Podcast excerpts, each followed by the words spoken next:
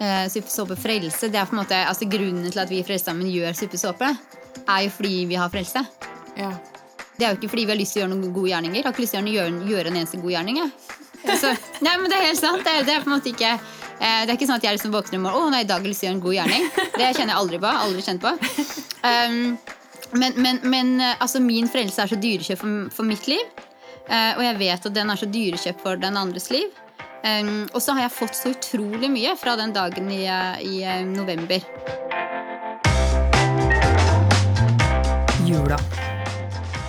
God mat, tid med familien, gaver, ungene som gleder seg, TV-titting i pysjen og godterispising i sofaen. Jeg gleder meg. Og samtidig kjenner jeg at juleskammen kommer snikende. Følelsen av at her sitter jeg og koser meg maks, mens flere familier i Trondheim ikke har råd til julegaver. Mens mange barn i Norge gruer seg til en jul der de vet at det blir for mye alkohol hos de voksne. Mens flyktninger satser livet på å komme til et Europa som virker som at har mista medmenneskeligheten og bygger gjerder for å holde folk ute. God jul, liksom. Jeg kan grave meg ned helt, rett og slett. For hvordan skal jeg forholde meg til forskjellene i verden? Og hvorfor blir jeg så motløs? Er det fordi jeg føler jeg gjør for lite for å forandre verden? Jeg tenker noen gang at jeg burde starte et suppekjøkken. Dele ut mat, melde meg som frivillig i Frelsesarmeen, Røde Kors eller Kirkens Bymisjon. At jeg burde utdanne meg til sosialarbeider i stedet for skuespiller. Jobbe med rusomsorg, barnevern og være et sted der jeg virkelig trengs og kan gjøre en forskjell. Men så begynner jeg å grave meg ut og opp. For vent litt. Jeg har jo et større perspektiv på livet enn å se meg blind på alt som ikke er bra. Jeg må flytte blikket. Velg å se Gud som kommer til oss. Som kommer til denne ødelagte verdenen for å redde oss fra oss sjøl. Vi kjenner jo alle til julefortellinga om Jesusbarnet som ble født i en stall. Det mest logiske hadde kanskje vært at Jesusbarnet kom som en kjempesint pappa som kjefta på oss for alt det fæle vi hadde gjort, for så å gi oss den straffen vi fortjener. Sånn som jeg som mamma har reagert altfor mange ganger når ungene mine ikke hører etter. Det høres f.eks. sånn her ut. Nå er det rett i seng uten å lese bok først. Du kan ikke stå på hodet i dusjen i et kvarter når du egentlig skal pusse tennene og ordne deg til kvelden. Og jeg har sagt fra så mange ganger! For hvordan skal ungene skjønne alvoret hvis det, det de gjør, ikke får konsekvenser? Tenk deg hvis Gud hadde brukt den strategien. Da hadde jo blitt Noah og storflommen om igjen. Men Gud gjør ikke det. Han blir isteden en av oss. Blir født inn i den verdenen han har skapt. En baby like hjelpeløs som jeg var da jeg var nyfødt. Avhengig av mammaen og pappaen sin. Et menneske. Han kjenner på kroppen hvordan det er å være oss. Kjenner smerte, glede, fortvilelse, håp. Alt. Og så viser han oss hvem Gud er. Han forteller oss at Gud elsker oss. Han vil ikke straffe oss. Han vil bare elske oss. Være sammen med oss. Flir, gråt, lid.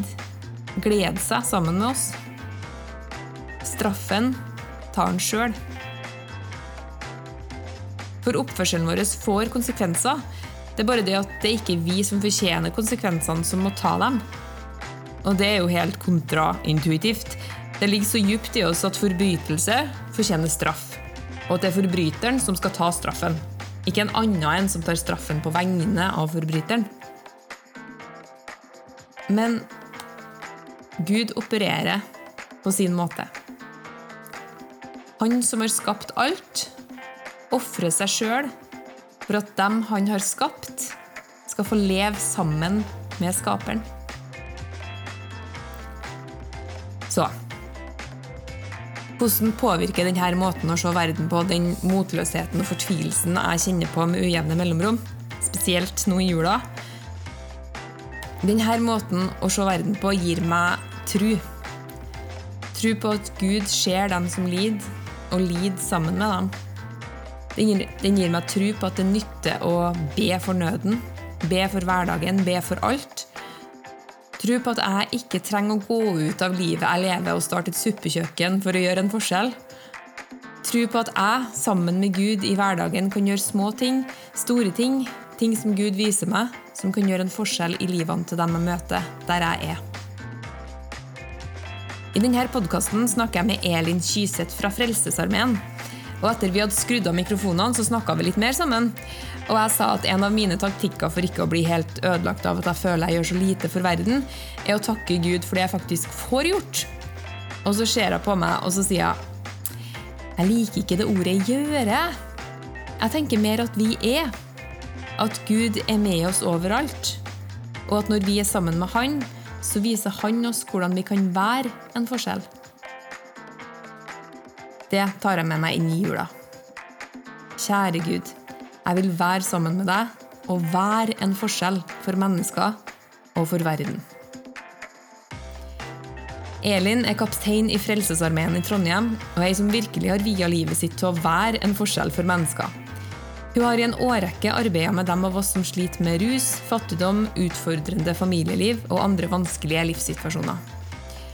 Frelsesarmeen er en global kristen bevegelse med et utstrakt sosialt engasjement. I over 130 land tilbyr de suppe, såpe og frelse for å møte folks fysiske, psykiske og åndelige behov. Suppe, såpe og frelse i den rekkefølgen. Grunnleggerne av Frelsesarmeen, Catherine og William Booth, de sa at ingen klarer å tenke på Gud på tom mage, og man går ikke i kirka hvis man er uflidd og skitten. Først når de basale behovene er dekka, kan man snakke om Gud.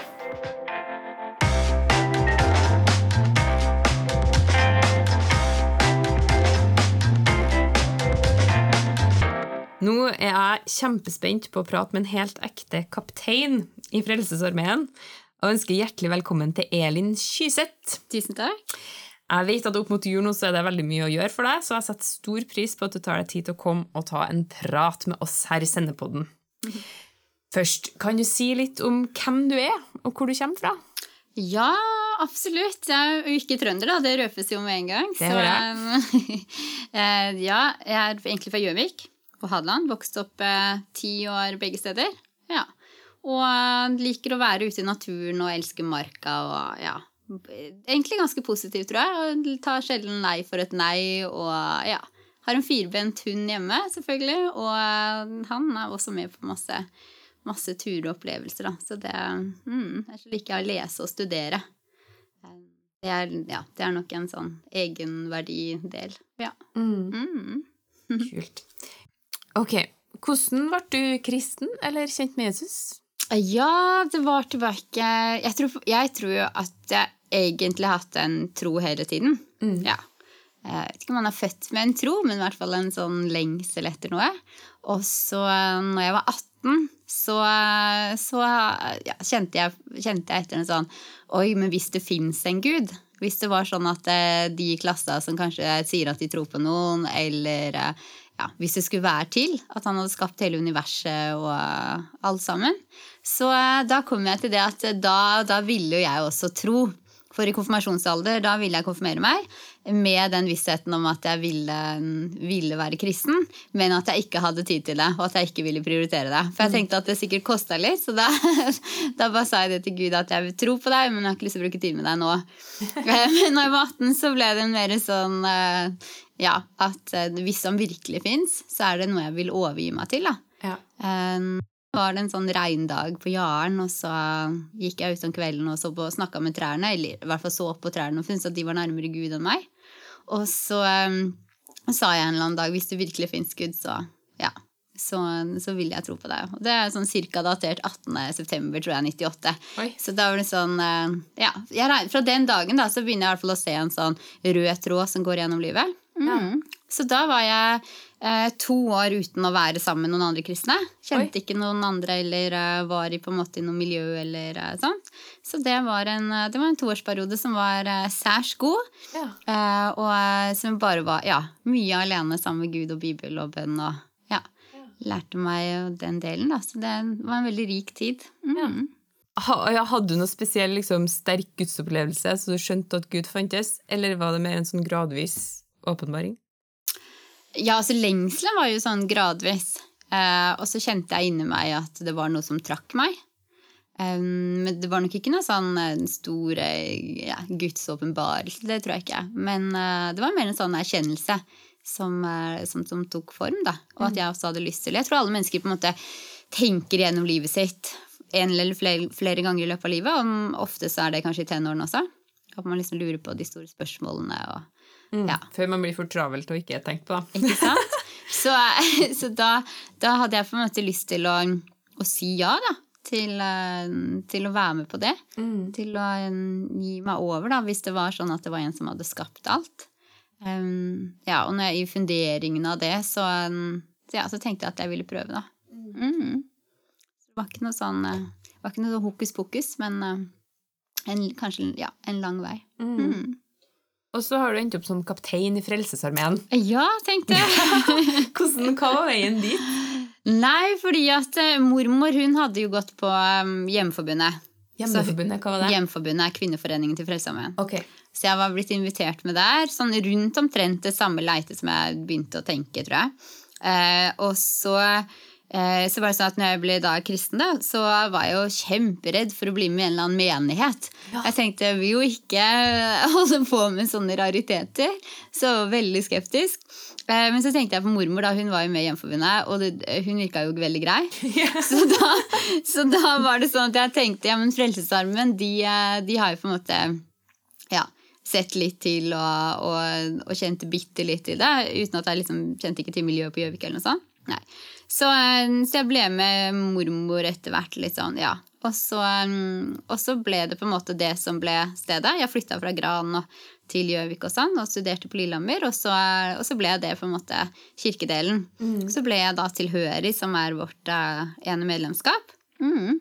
Eh, og dro på sommerleir der, husker jeg, på sånn i Lyngdal. Mm. Og de hadde sånn um, De hadde sånn bibelfortellinger eh, til barna. Jeg var ikke på de voksne, jeg var på barna på søndagsskolen. Mm. Um, og de fortalte om Jonah inni hvalen ikke sant? og alle disse fortellingene. Og jeg kom tilbake til eh, korpset, som jeg mener at den var, på Gjøvik, og liksom fortalte det fins en, det var en mann inni en hval, han var så fantastisk, og han kom ut igjen, og de, og de var så utrolig overbærende ja. at de bare Wow! Var det det? ikke sant? Og så skjønte jeg etter noen år da, at disse fortellingene hadde jo de hørt veldig mye om. Ja. Eh, men jeg hadde jo ikke det, så for meg så var det liksom nytt. Jeg var helt gira. og liksom bare, ja, Det var en Jesus som gikk rundt og møtte folk, og de var bare så Oi, var det det? Ja. ja.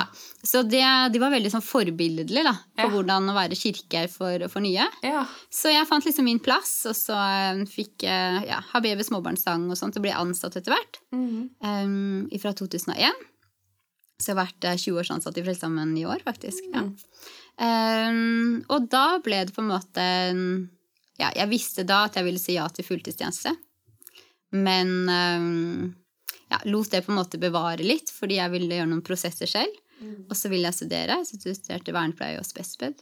Og ja, jobba som det mm. i uh, habiliteringstjeneste og Gjøvik kommune. Visste at jeg skulle bli offiser, så jeg jobba intenst da, i tre år for å få med mest mulig arbeidskompetanse først. Ja. Kjøpte leilighet og sånt, da, for du skal jo på en måte redusere litt i lønn når man skal bli offiser. Ja. Så, så, da, ja, tilbake i 2010, så begynte jeg på offiserskolen. Ja. Mm. Og det er en toårsutdannelse i Moss. Mm. Og så ble jeg offiser da i 2012. Mm. Ja. Så da har jeg hatt eh, fire år på Island. Ja. Og, så, og Bergen eh, noen år. Og så kom jeg da til Trondheim i 2017. Ja. Mm. Er det sånn at du bestemmer sjøl hvor du skal, eller blir du sendt? Nei, da blir du sendt. Ja, Der du trengs, liksom? Ja, sikkert. Ja. Forhåpentligvis. en del av pakka. Ja. Mm. Men hva er greia med den militære på måte oppbygginga? Av... Ja, du har på en måte mm, tilbake til 1865. Eh, London og viktoriansk storhetstid for England. Mm. Med eh, ja, kolonimakt og sånne ting. Ja, og mye uniformering. Ja. Og Frelsesarmeen begynte da og på en måte så at det var mange som ikke hadde det så greit. Så dermed så begynte man på en måte å ja, invitere f.eks. familier som, eh, som, da bodde på Øst-London med veldig lavinntekt. Og man sier det sånn at det, Eh, det fantes sånn um, trapp opp til bare eh, opp til baren, sånn at unger kunne få lov til å klatre opp og så kjøpe seg øl eller sprit, for det var billigere enn melk. Nei, nei, ja, det var liksom så ille. Å. Eh, så Frelsesarmeen starta sånn fyrstikkfabrikker og sånn, så barn kunne jobbe. Da var man liksom for barnearbeid, det er jo Ja. ikke det nå, men det, men det trengtes en del. Heller da ring få- inn på baren, liksom. Ja, ikke sant.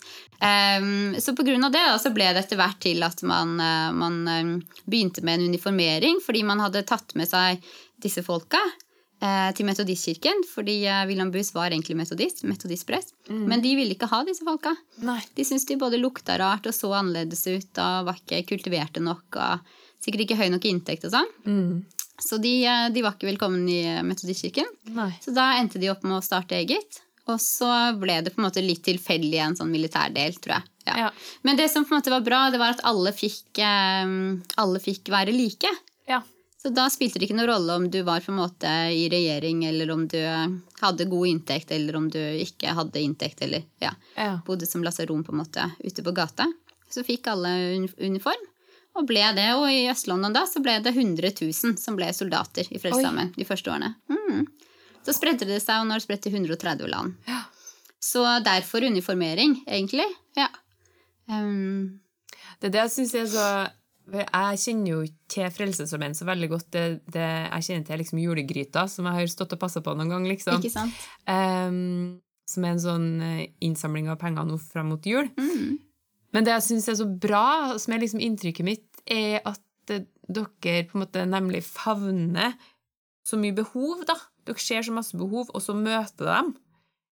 Og det er bare helt sånn Ja!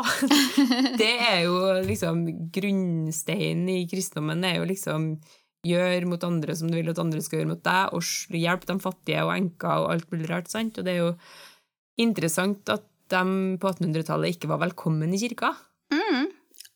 Men jeg vet ikke om de hadde vært velkommen i dag heller. Det er jo en stor, eh, en stor del for det. Ja. Det er for eksempel sånn som, eh, ja, sånn som nå der så er det 1750 husstander i Trondheim som har søkt om hjelp til jul. Ja. Eh, og det er jo eh, masse mer mennesker enn 1700. Eh, så, så nå denne uka her så kommer de til oss og skal hente 800 og de skal hente gavekort hos oss.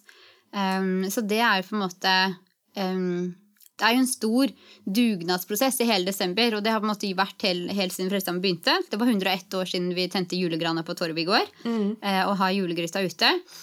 Og det gjør på en måte at det er en sånn dugnad for folket. Det norske folket og i disse 130 landene. Eh, så det er jo på en måte, da har alle folk i Trondheim og Norge og sånn, har jo muligheten da til å gi. Ja. Så her i Trondheim så trenger vi 1,2 til 1,5 millioner. Ja. Så det skal vi samle nå i desember. Å, herlighet, Kar. Det er mitt ansvar. Så, så det er, og det er jo på en måte hvert år. Så vi har fem julegryter ute. Ja. eh, Og tre av de skal bemannes. Så da trenger vi jo på en måte veldig det her at folk melder seg til å stå julegrytevakter. Eh, Så det er på en måte Frelsesarmeen som organiserer det, men det er jo en sånn felles nasjonal del, eller verdensmel, egentlig, da, mm. til å på en måte samle midler. eh, Sånn at man kan gi det ut igjen. da. Og da går jo alle midlene ut igjen. Så jeg vet jo og kjenner jo de folka som får de midlene. Eh, Og det gjør på en måte at det er verdt det er verdt å fryse tærne av seg eller ligge en uke etterpå eller et eller annet. Alt det der er verdt det, fordi at eh, den dugnaden fra, fra oss, da, fra liksom folket eh, i hele Norge, er utrolig bra og raus. Eh, og så trenger man på en måte alle midlene. Ja. Og så, ja. Så, det, så jeg tenker at det er, liksom en, det er en sånn stor dugnad. Og jeg er veldig glad at Slumstrømsen begynte med det.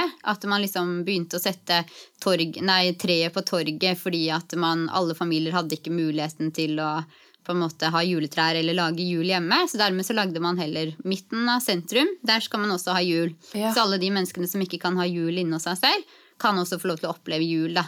Um, og dermed så kan man også på en måte få hente penger, da, eller gavekort eller mat, eller turer til sommerferie, eller eh, hva, hva det skal være. Strømregninger i vår tid også. Ja. Uh, så det er liksom Ja, så det er jo alle som bidrar på det. Mm. Og det vi visste ikke jeg faktisk, at det var derfor man tente julegran på torget. Nei, det er derfor man begynte med å tenne julegran. Fordi at ikke alle hadde mulighet til å ha, feire jul hjemme. da. Mm. Du snakka om Slumsøstrene. Hvem er det? Ja, det var eh, de eh, Frelsesarmeen har på en måte vært eh, menighetsdelen. Og så har man hatt Slumsøstrene som har jobba ute med diakonien. Ja, og nå er det sammenslått. Eh, Men før da så var de på en måte Man sa at de kom med skurebørstenes evangelium. Ja. Altså De kom hjem igjen, og det var på en måte de som var før det på en måte ble hjemmesykepleie og hjemmehjelp og sånne ting. Ja. Mm, så hadde man slumsøstre som var mm, Og det var ofte der man på en måte henta ja, hvis man trengte mat eller andre ting. Ja. Så en ting som folk i Norge kan gjøre for å hjelpe sånn helt konkret, da, er jo å melde seg til vakt på julegryta. Absolutt. Og vi trenger i Trondheim trenger vi 410 vakter. Ikke sant? Så det er bare å ta en eller flere vakter. Ja.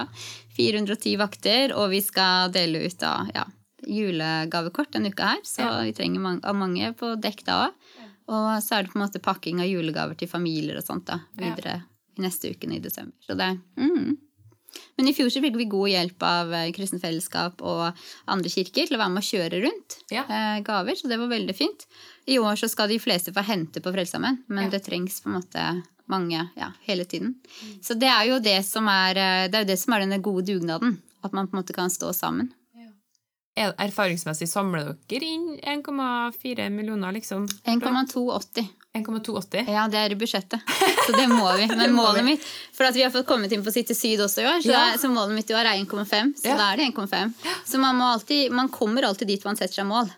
Ja. Så hvis man setter 300, så får man 300. Og hvis man setter seg opp, så får man det. Så man må bare, Man må ja. bare lage seg høye mål, da. Absolutt, for hvis ikke så er det ikke det vi jobber etter. Nå er Nei. det det vi jobber etter, Ja, og da er det Ja.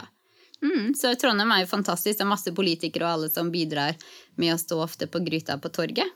Og så har vi City Syd og City Lade Ja. og Sirkus Shopping og Tidligtorget. Så det er eh, Ja. Men det er viktig, da, ikke sant? fordi at eh, jeg vet at alle pengene trengs. Det er, eh, det er på en måte Ja, både klær og musikkskoler og Det er så innmari mye som mennesker trenger. Ja. Ja.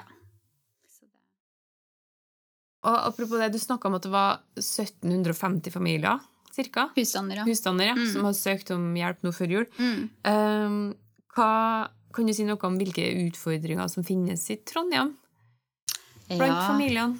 ja, det er jo eh, Altså, det er jo utrolig mye forskjellig. Det er jo like forskjellig som det fins mennesker. Mm. Ja. Um, så det jeg vet ikke om jeg på en måte kan gå på en sånn generell del på det. Uh, men det er jo altså av liksom familier som bo, eller husstander da, som er i lavinntekt, så er jo det, eh, så er jo det mm, veldig mange. Eh, Altfor stor. Eh, og mange av de er jo på en måte da innvandrere. Ikke sant? Som har kommet til Norge, og som eh, får innvilga asyl. Eh, og så blir de ikke integrert i det norske samfunnet. Ja. Fordi at du og meg ikke integrerer. Ikke Fordi sant? Fordi at vi ikke integrerer de. Mm. Eh, og så, så jeg tenker liksom på det, for det sånn i Bibelen sånn, så har vi liksom Israels fortelling eh, med utvandringen av Egypt. Og det har blitt litt sånn viktig å tenke på det siste for min del. At eh, det er veldig mange, eller alle vi har helt sikkert noen sånne utvandringsfortellinger i eget liv. Ja, hvor vi på en måte har brutt opp fra et sted for å gå og bevege oss til et annet sted. Um, og det har jeg på en måte tenkt eh, og fått veldig respekt for disse, disse foreldrene, da, som på en måte har eh, tatt med seg barna sine og reist ut av sitt eget land, eh, for så å komme hit til Norge som, asyl, som asylsøkere. Og de har jo med seg den fortellingen de har med. Eh, og så er på en måte disse foreldrene de er villige til å bo i samfunnet vårt. De er villige til å være til stede og altså med nesten å vite det at ikke de selv kommer til å lære språket. At de selv er så traumatiserte at ikke de kan eh, komme inn i norsk arbeidsliv. Eh, men de er villige til å være her og på en måte ha den funksjonshemmingen det tilsier. Da, og ikke på en måte kunne språk eller sånne ting. Um, og ikke sosialkulturelle koder og sånn. Men de er villige til å være her fordi at barna dem skal få gode levekår når de vokser opp. Og de er villige til å på en måte gå hele denne veien og leve hver dag sånn. Fordi at unger og barnebarn skal få en bedre framtid. Og det tenker jeg det er så beundringsverdig at det, det, det kan jeg Hadde jeg brukt hatt, så hadde jeg tatt av meg det. Men, men, eh, men de er jo mange av de som eh, trenger, og det er jo på en måte Det er politikk Ja. som holder det sånn. Um, så, så man kan tenke seg at man hadde ønska en annen politikk, og vi jobber jo tett med politikere, for det er jo deres ansvar. Og så har man jo alle disse eh, andre også som på en måte over lang tid har holdt eh, i trygder og stønader holdes lavt. da. Ja. Eh, og så er det lov med forbrukslån i Norge. Ja. Det er også politikk. Ja. ikke sant? Og, og, og at vi har en kultur som skal kjøpe så mye. Det har akkurat vært Black Friday. Eh, og det er på en måte en sånn Ja. Um, det er vanskelig, da, å ikke ha alt. Og så bruker vi på en måte for mye allerede. Så, um, så det vil jeg si, men akkurat hva man sliter med det, I med alle disse tingene så kommer det ofte sosiale vegring, sosial angst, eh, psykisk helse. Kanskje ja, man skammer seg litt. Økonomi. eh, Ja, ikke sant? Og, og disse her er jo på en måte kjempere som prøver å, prøver å få hverdagen til å gå rundt hele tiden. Ja. Ja. De er jo ikke noen sånn eh, som slapper av og ikke gidder ting. Det er liksom Hver eneste dag er en kamp. Hver eneste gang du liksom titter inn i kjøleskapet, så blir du påminnet om eh, hvordan det er. Um, så det er virkelig voksne mennesker i vårt samfunn som, ja, som, som sliter masse da, for å få det til med, med å gå rundt med familiedelene. Så derfor så tror jeg på en måte sånn som ja, Julegryta og andre organisasjon, organisasjoner som gjør mye, at vi på en måte vi må bare dra sammen, da. Mm.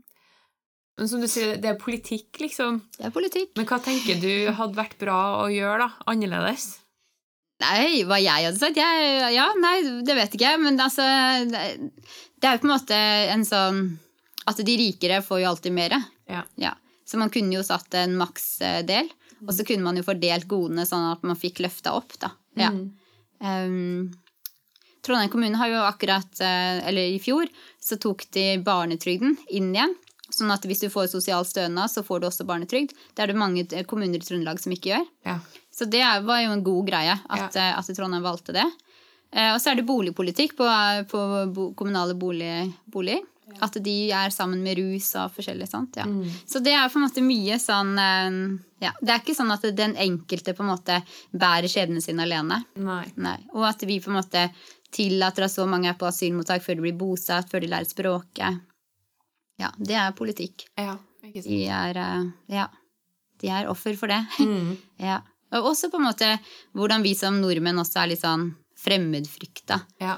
til ikke å inkludere og um, Tenke at de er så annerledes enn oss. At det Ja, blir dem og oss tankegang, liksom. Ikke sant? Men nå har jeg på en måte vært i Trondheim selv ja, siden 2017. Og jeg tror jeg har blitt invitert på middag tre ganger. Oi. Og det, og det er på en måte snart på fem år, ikke sant? Ja. Og da tenker jeg at og to av de jeg har blitt invitert med, er, eh, er, er noen som da på en måte også har fått, eh, fått noe bistanddel, da, som har lyst til å gi noe tilbake. Og det er kjempekoselig. Og det er jo det er måte, det er på en måte sånn det er. Det er sånn det blir i livene. ikke sant? At man, eh, man er ikke en hjelper, og så er noen andre mottaker. Fordi at da når jeg kjenner på ensomhet, for eksempel, så er det jo de som åpner døren også og sier velkommen, kom på middag, kom på det og det Eh, og det, så, så det er jo på en måte verdifullt og fint, men det vil si at um, jeg tror ikke vi er så gode til å invitere, da. Nei. Der kan vi bli bedre. Sånn at vi kan bli bedre til å invitere, og Ja. til å på en måte undre oss litt over og, og ja.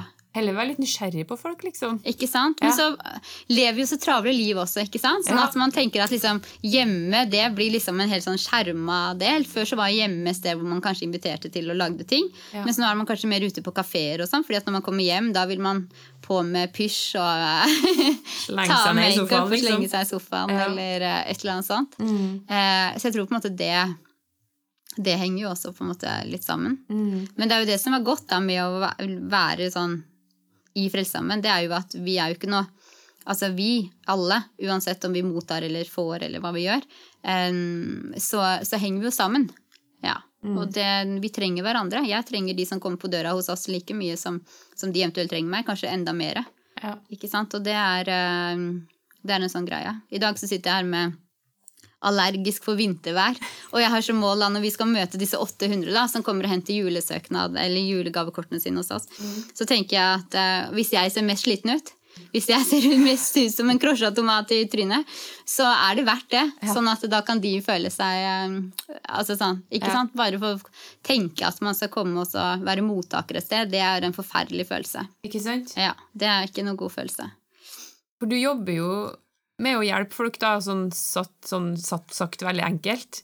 Men hvordan, akkurat det der, hvordan forholder du deg til Fordi man kan jo kanskje tenke at å, jeg er den som hjelper, så derfor sitter jeg på min høye hest og liksom gir av mitt overskudd eller av min kunnskap til dem som er mindre heldige enn meg. At det kan fort bli litt sånn ovenfra og ned-holdning. Eller hva er dine tanker rundt det? Ja, jeg tenker at det er det viktigste det aldri er. Ja. Det må det aldri være. Nei, det sier vi snakker om det vi, vi innsatte, faktisk. Vi ansatte. Eh, og frivillige og sånt. Det må det aldri være. Absolutt ikke.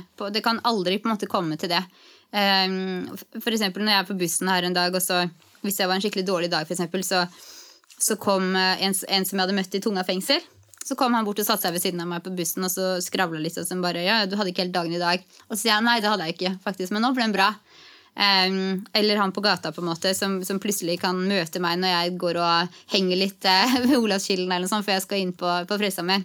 Og så sier han liksom ja, hei, men Elin, se der er fuglene, vet du. Nå må du endre perspektivet ditt litt. uh, og, så, og så tenker jeg da får jeg så mye. Ja, Men det er aldri, det er aldri, aldri sånn at det kan være oss og dem. Nei. Det må bare være et vi. Så jeg sier det at, eh, at hos oss så man må komme på jobb selv om man er i 20% energi den dagen. Eh, Fordi vi forventer aldri at noen som banker på døra eller bare går inn, eh, skal være fit, liksom. Nei. Og da kan ikke vi være fit sjøl heller. Det, det, er måte, det er det, er på en måte det som blir den her vanskelige greia i forhold til kirke. ikke sant? Fordi man kommer og man har så lyst til å treffes. Og man har så lyst til å si, hei, hvordan står det med deg? Å, så godt å se deg. Så, vi- å, så gøy ungene dine er, og sånn. Men er det virkelighet, da? Mm. Altså, ikke sant? Det er en sånn, når jeg var barn, så mamma fikk mat fra slumstasjonen av og til. Og da var vi der og henta det. Jeg sk- aldri for det. Jeg var bare glad for at vi fikk mat. Um, og så er det på en måte at Og Toril, som var slumsøster da, hun kan jeg ha spilt i hornmusikken med selv eh, som voksen. Så det er på en måte ikke Man er på en måte ikke enten-eller. Nei. Jeg bærer med min livshistorie.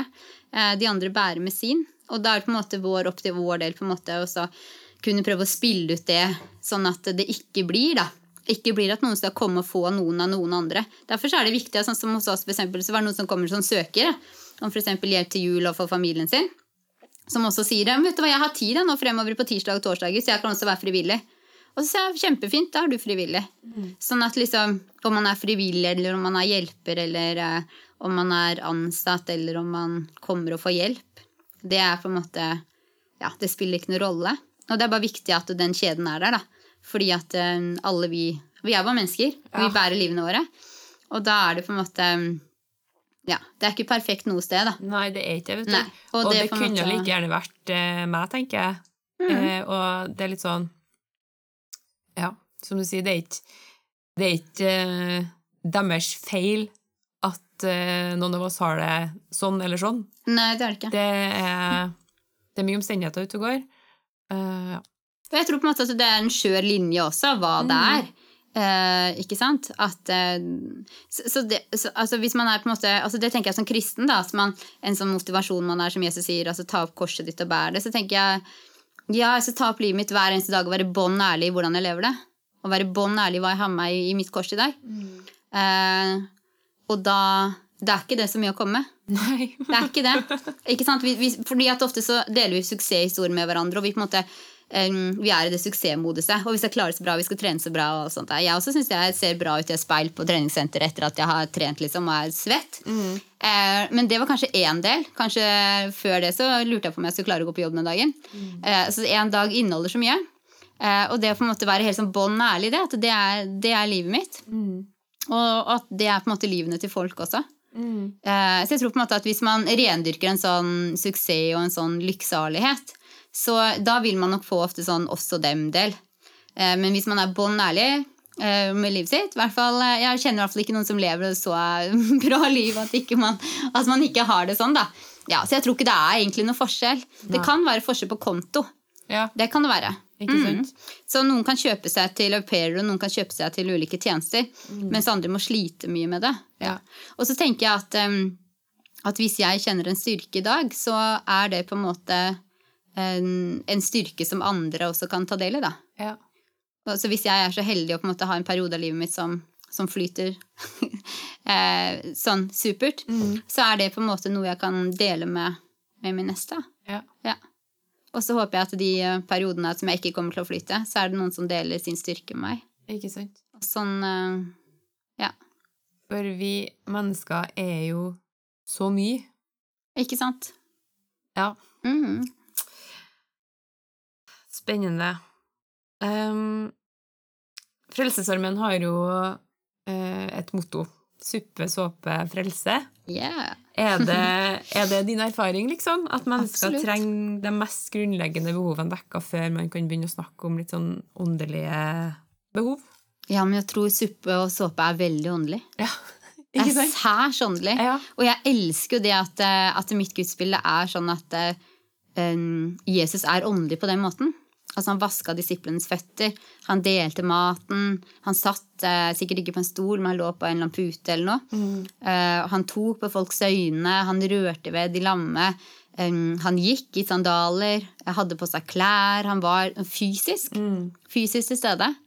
Eh, lå sikkert i sånn herre um, Hva heter det? Ikke grønne enger, bare, men sånn åkrer og spiste av havre... Ja, ikke sant? Um, så, så at mitt gudsbilde er veldig Det er veldig åndelig. Ja. Så hvis jeg får lov til å sitte rundt et bord med innsatt i tunga fengsel, eh, eller jeg får lov til å sitte rundt et bord med eh, mennesker som har kommet hit med flyktning, f.eks., eller med familier som, eh, ja, som har opplevd overgrep, eller ja, som på en måte med et eller annet med livet sitt. Eh, det kan være noen som jobber på NTNU også, som på en måte kommer hit og som har med seg sine livserfaringer. Da er det Jeg kan ikke forestille meg noe mer hellig enn det. Det er liksom eh, Ja. Der er på en måte Guds rike midt iblant oss. Ja. Um, så det Og jeg kjenner jeg blir veldig utfordra, for at hvor ofte er det jeg sitter med, med, med den eh, Den måten Guds rike midt iblant oss, liksom. Og vi som menighet òg, i kristent fellesskap, liksom. Hva Ja. Så Jeg syns det er veldig utfordrende og bra, det du sier. På en, på en utfordrende måte. Fordi vi vil jo, jeg vil jo, jeg kjenner jo det, jeg snakker litt om det i denne introen min, at jeg kjenner jo på et behov, spesielt i jula når ting blir så utrolig satt i relieff, liksom, at jeg har det så utrolig bra. Jeg har en familie som lever og som er frisk, og jeg kan spise god mat og være sammen med dem jeg er glad i. Og så kontrer du liksom med de 1700 familiene som trenger hjelp, flyktningkrisa i Europa, det som forferdelige som skjer på grensa mellom Polen og Ukraina, og alle hele måte, Europa som bare «Ah, Vi skal bare ta vare på oss sjøl og ingen andre. Og det blir, det, for meg så blir det så utrolig Jeg vet ikke helt hvordan jeg skal takle det oppi hodet mitt, hvis du skjønner. Den her utrolige forskjellen og det lille jeg gjør for å hjelpe. Og da på ei side så blir jeg sånn Jeg har nødt til å reise ut og bli lege uten grenser. og liksom fære Ja. en flyktningleir. Men på den andre sida sånn her, jeg er ikke utdanna lege. Jeg har tre små barn og en mann jeg må ta meg av. Hvordan i livet mitt kan det se ut at jeg på en måte sitter blant dem som trenger det? da? mm, Det tenker jeg mye på. mm. Men for eksempel ved å gi til julegryta eller gi til noen andre. Så, så har det på en måte blitt det middagsstedet. Ikke sant? Um, eller man liksom tar en sånn vakt, eller man på en måte um, Man melder seg på, på en måte til å kanskje si det at det er en familie som går i barnehagen da, til ungene, eller skolen, eller et eller annet. Så kan man på en måte si det at ja, men har du lyst til å kjøre med oss til den håndballkampen, eller, eller har du lyst til å være med hit og spise kveldsmat etterpå, eller det er jeg tror på en måte det er vanlig hverdaglig Men altså det er hellighet. Det tror jeg er liksom helt sånn uh, utrolig viktig. da. Altså det, er måte, altså det, det er på en måte Guds rike midt imellom. Og, så, og så tenker jeg at, eh, at eh, den frelsen, da eh, Suppesåpe frelse, det er på en måte, altså grunnen til at vi i Frelsesarmeen gjør suppesåpe, er jo fordi vi har frelse. Ja. Det er jo ikke fordi vi har lyst til å gjøre noen gode gjerninger. Jeg har ikke lyst til å gjøre, gjøre en eneste god gjerning. Jeg. Så, nei, men Det er helt sant. Det, er- det er på en måte ikke Det er ikke sånn at jeg liksom våkner og må, å nei, i dag har jeg lyst til å gjøre en god gjerning. Det kjenner jeg aldri på. Aldri kjent på. Um, men men, men eh, altså, min frelse er så dyrekjøpt for, for mitt liv. Eh, og jeg vet at den er så dyrekjøpt for den andres liv. Um, og så har jeg fått så utrolig mye fra den dagen i, i eh, november eller september i 2018. Så jeg, måte Altså, jeg har fått overgitt alle hverdagsbekymringer. Alle Ja, all min lidelse som er påført til andre, og all min lidelse som jeg påfører andre. Alt det er, eh, er på en måte korsfesta. Ja. Og Jesus har lidd hele, hele livet sitt. da.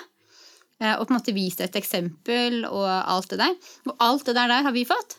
Eh, sånn at eh, det eneste som jeg gjør, det er på en måte å si ja tilbake til Gud. Og så si på en måte takk da, til han. Um, så det er på en måte aldri en sånn at ja, nå skal vi gjøre en god gjerning. Nei, det skal vi ikke. Uh, men, det men en sånn del er på en måte at, um, at Guds kjærlighet deles igjennom. Ja. Um, og det her at vi ikke er altså, i, Da er i sann erkjennelse av korset, så vet jeg at jeg er ikke noe som helst annerledes enn noe som helst annet menneske. Ja. Verken om det andre mennesket kommer til meg i dress, eller om det kommer til meg i, eh, i joggebukse fordi de ikke hadde dress. Um, Så, så hos vår del, for eksempel, når det kommer en politiker, og jeg går i sokkelesten uh, inne hos oss, eh, når de andre på en måte, ja, når andre er der, så tar jeg ikke på meg skoa, tar på meg uniformen når politikeren kommer. Det, altså, fordi det er ikke sånn. Gud ser aldri sånn forskjell på folk i det hele tatt. Og det tror jeg på en måte at, um, at vi kan få lov til å være med på, da. Um, så så det, ja, det er frelse i eh, Altså, frelse er årsak. Uh, og da kommer du på en måte altså, de, andre menneskene som sitter rundt bordet da, og for så vidt møter meg, jeg håper jo at de også kjenner at eh, Gud er til stede. Sånn som jeg kjenner Gud er til stede når de er der. Ja. Så det er jo en sånn eh, Jeg håper jo ikke at det er bare jeg som får Guds erfaringer hele tiden. For jeg får jo det med hvert menneske vi møter. Ja. Så er det på en måte, da vil vi tro at det kanskje deles, da. Så tror jeg frelse er der sånn. Ja. Um, og så når man på en måte kommer dit at man setter ord på noe, mm. um, da har man kommet langt i en relasjon. ja. Um, fordi at den, den andre er aldri et objekt for at jeg skal forkynne. Nei. Den andre må alltid være et menneske.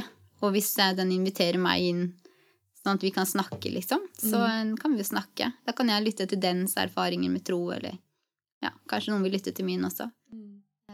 Men jeg tror på en måte det her eh, Altså, ord kan ødelegge så mye også. Så hvis man i stedet bare sitter med en kopp og så deler livet, ja, så tror jeg på en måte da får Gud gjort innmari mye, da. Ja.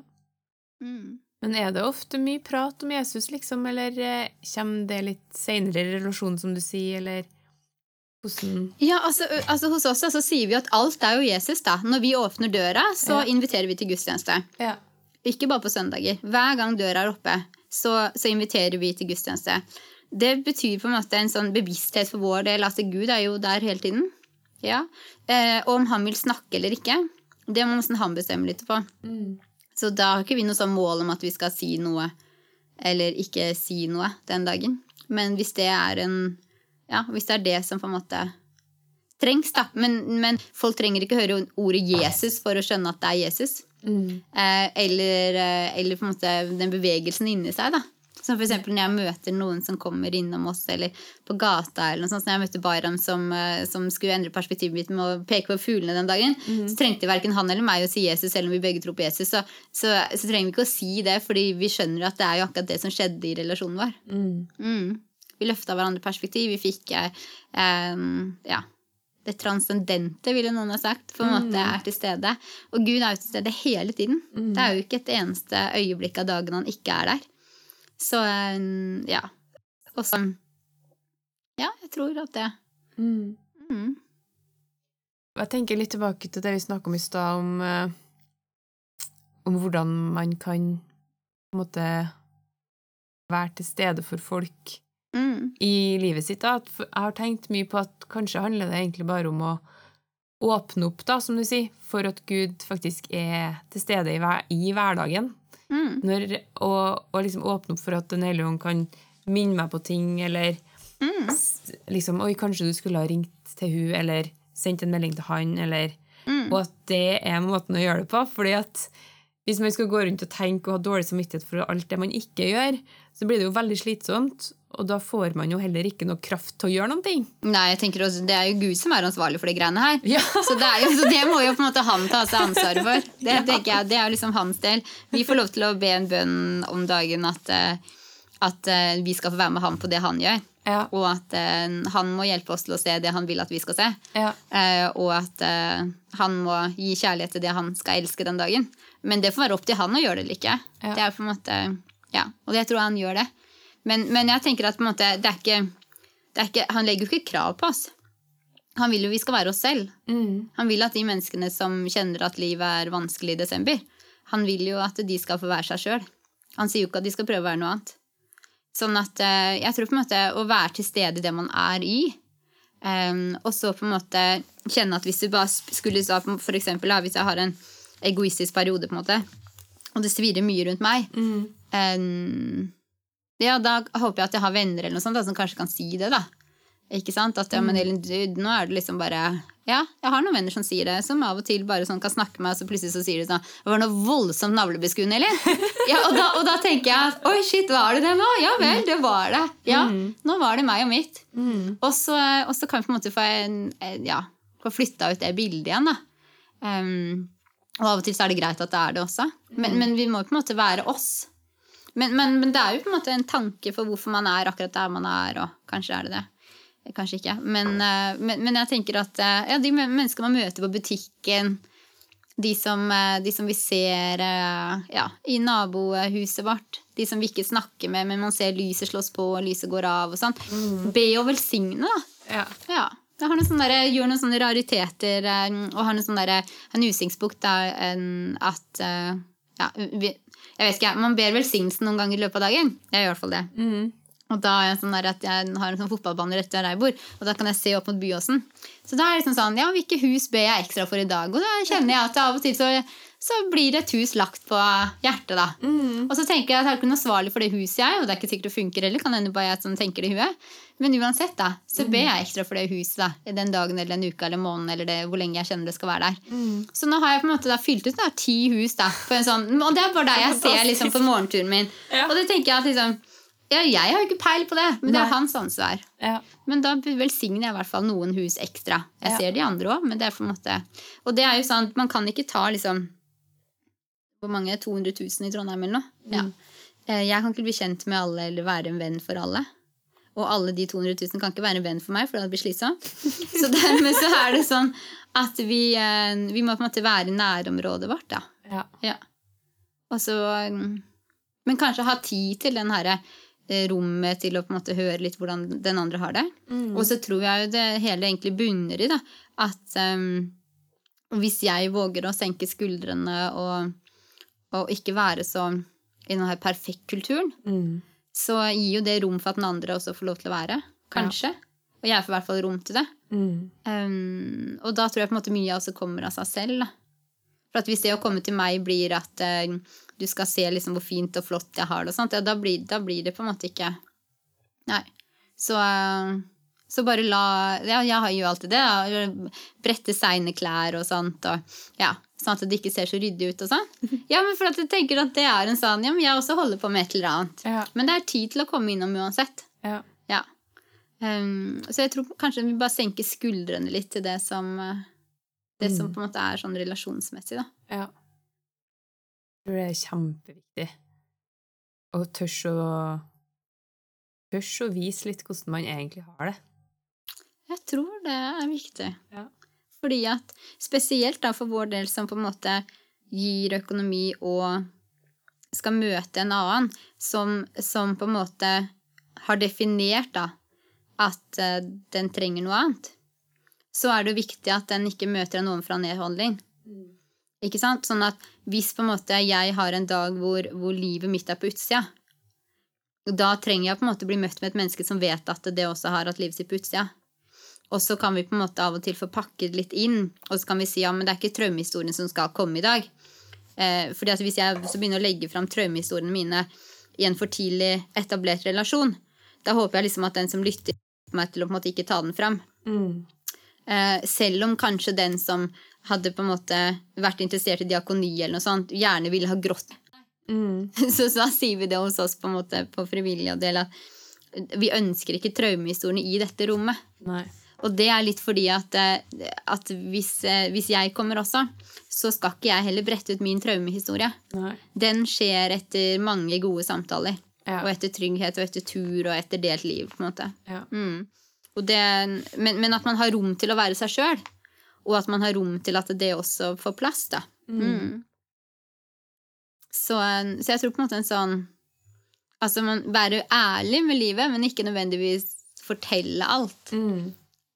Altså det kan man gjøre i troverdige settinger, da. Mm. Men alle kan allikevel bære ærlig livene sine. Ja. ja. Um, du har jo jobba med mennesker i mange år. Er det noen spesielle liksom møter som har satt spor hos deg, som du kan dele? Ja. Jeg tror jo at disse, altså disse møtene da, som jeg fortalte litt om i stad, mm. med disse nye innvandrerkvinnene og mennene som, altså Det setter spor, at de står en sånn At de er villige til da, på en måte, å sette kanskje 40 år av livet sitt til å leve for en annen ja. på en sånn måte at de ikke, ikke får funksjonelt sjøl. Når jeg kom til Island, så kunne jeg ikke språk eh, med islandsk, men jeg, så jeg bare fulgte etter folk som ga meg papirer og sa nå hadde jeg fått bankkonto, og nå hadde jeg fått um, konto og sånt. Uh, og det på en måte, Men så følelsen av å være avmakt, det, det, er på en måte ikke noe godt. Så de, de har jeg sånn utrolig utrolig sånn respekt for. Um, og så er det på en måte um, ja, kanskje sånn to mammaer for eksempel, som, som, veldig gjerne ville gi en julegave, og så hadde de ulik Lego. Sånn at de, de, de ble kjent med hverandre, og så snakket de om det. Så gikk den ene hjem og vaska, eh, vaska sine leker, og så kom den andre med lekene på Frelsesarmeen, og så vaska vi det i steameren.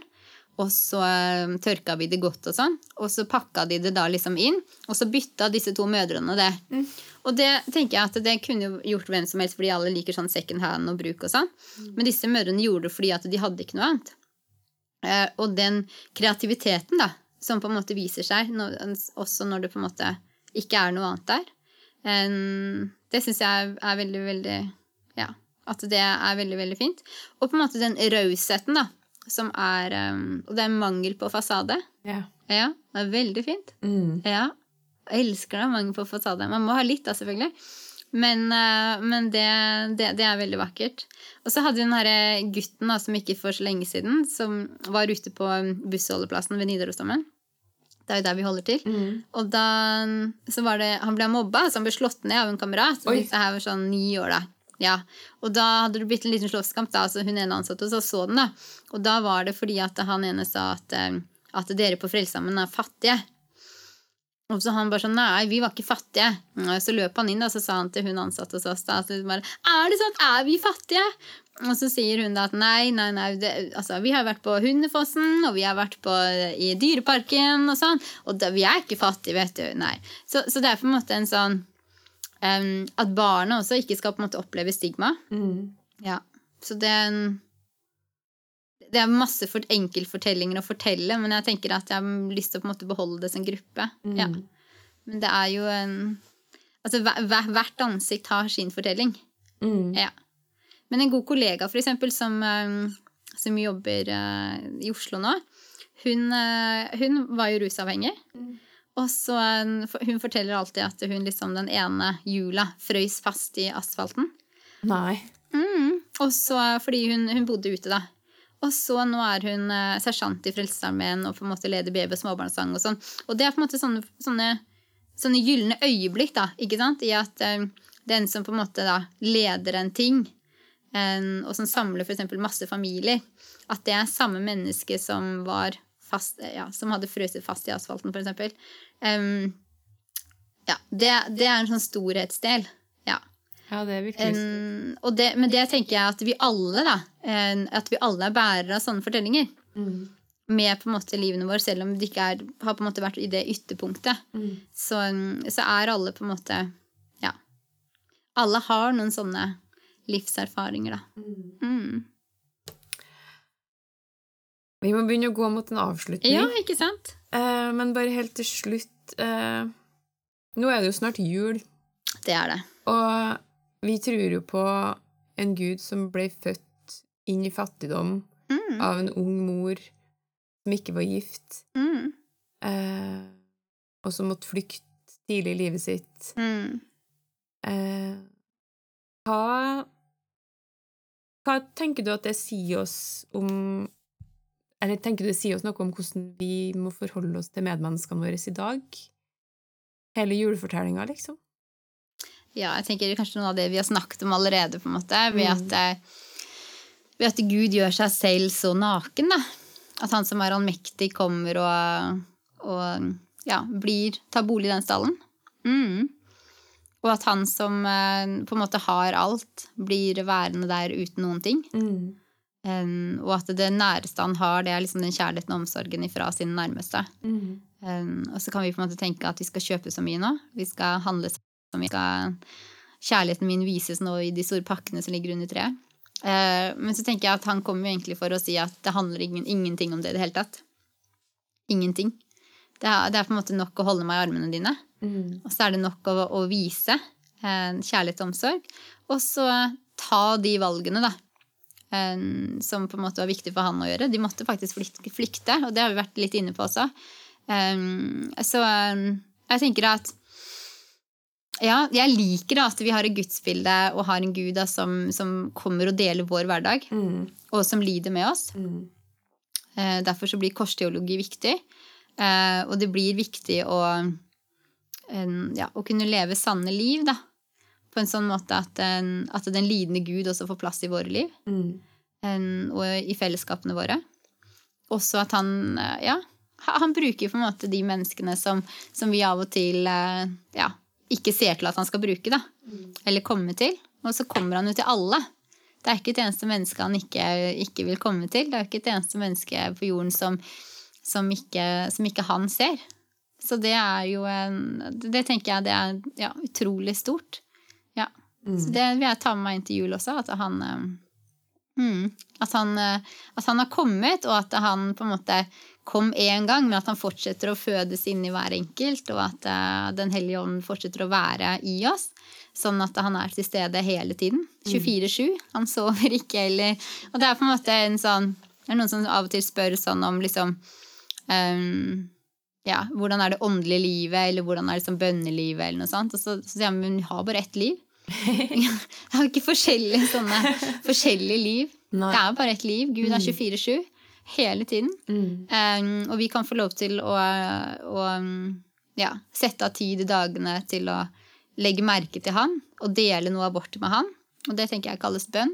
Uh, og det å få lov til å gjøre det og ta imot da, av han som, han som ønsker å gi, og han som ga seg selv, eh, det tenker jeg at det, det kan ikke få gjort nok. Nei.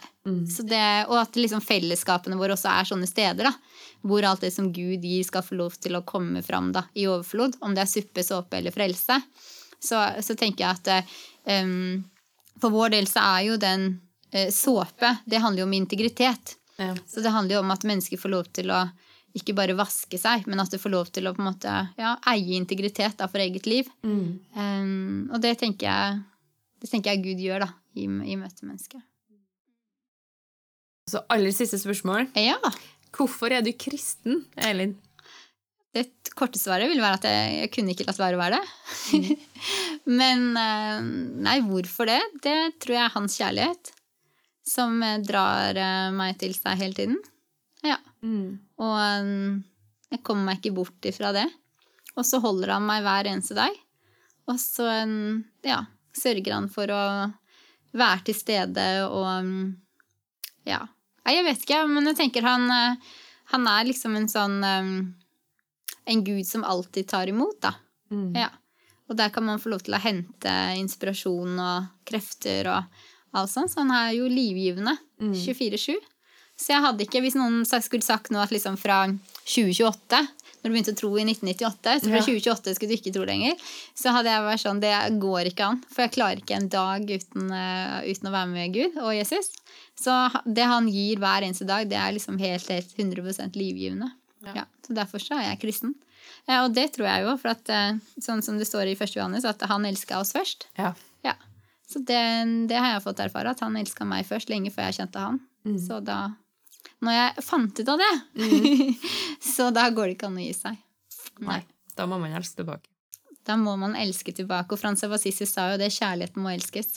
Ja. Og Kristus sa jo kjærlighet. Mm. Så det å la den elskes, det tror jeg er, um, høres veldig klisjé ut. Men det høres også veldig rett ut. Men det er en sånn uh, Ja. Mm. Tusen takk, Elin, for at du tok deg tid Ja, i denne travle førjulstida til å komme til. Sendepodden. takk skal du ha. Takk for at du hørte på Sendepodden. Mer spennende stoff finner du på sennep.net, og du kan også følge oss på Facebook og Instagram. Sendepodden finnes i den podkastappen du bruker, og hør gjerne også på våre to andre podkaster, Alvorspraten og Bibelkvarteret. Sendepodden alt annet enn overfladisk.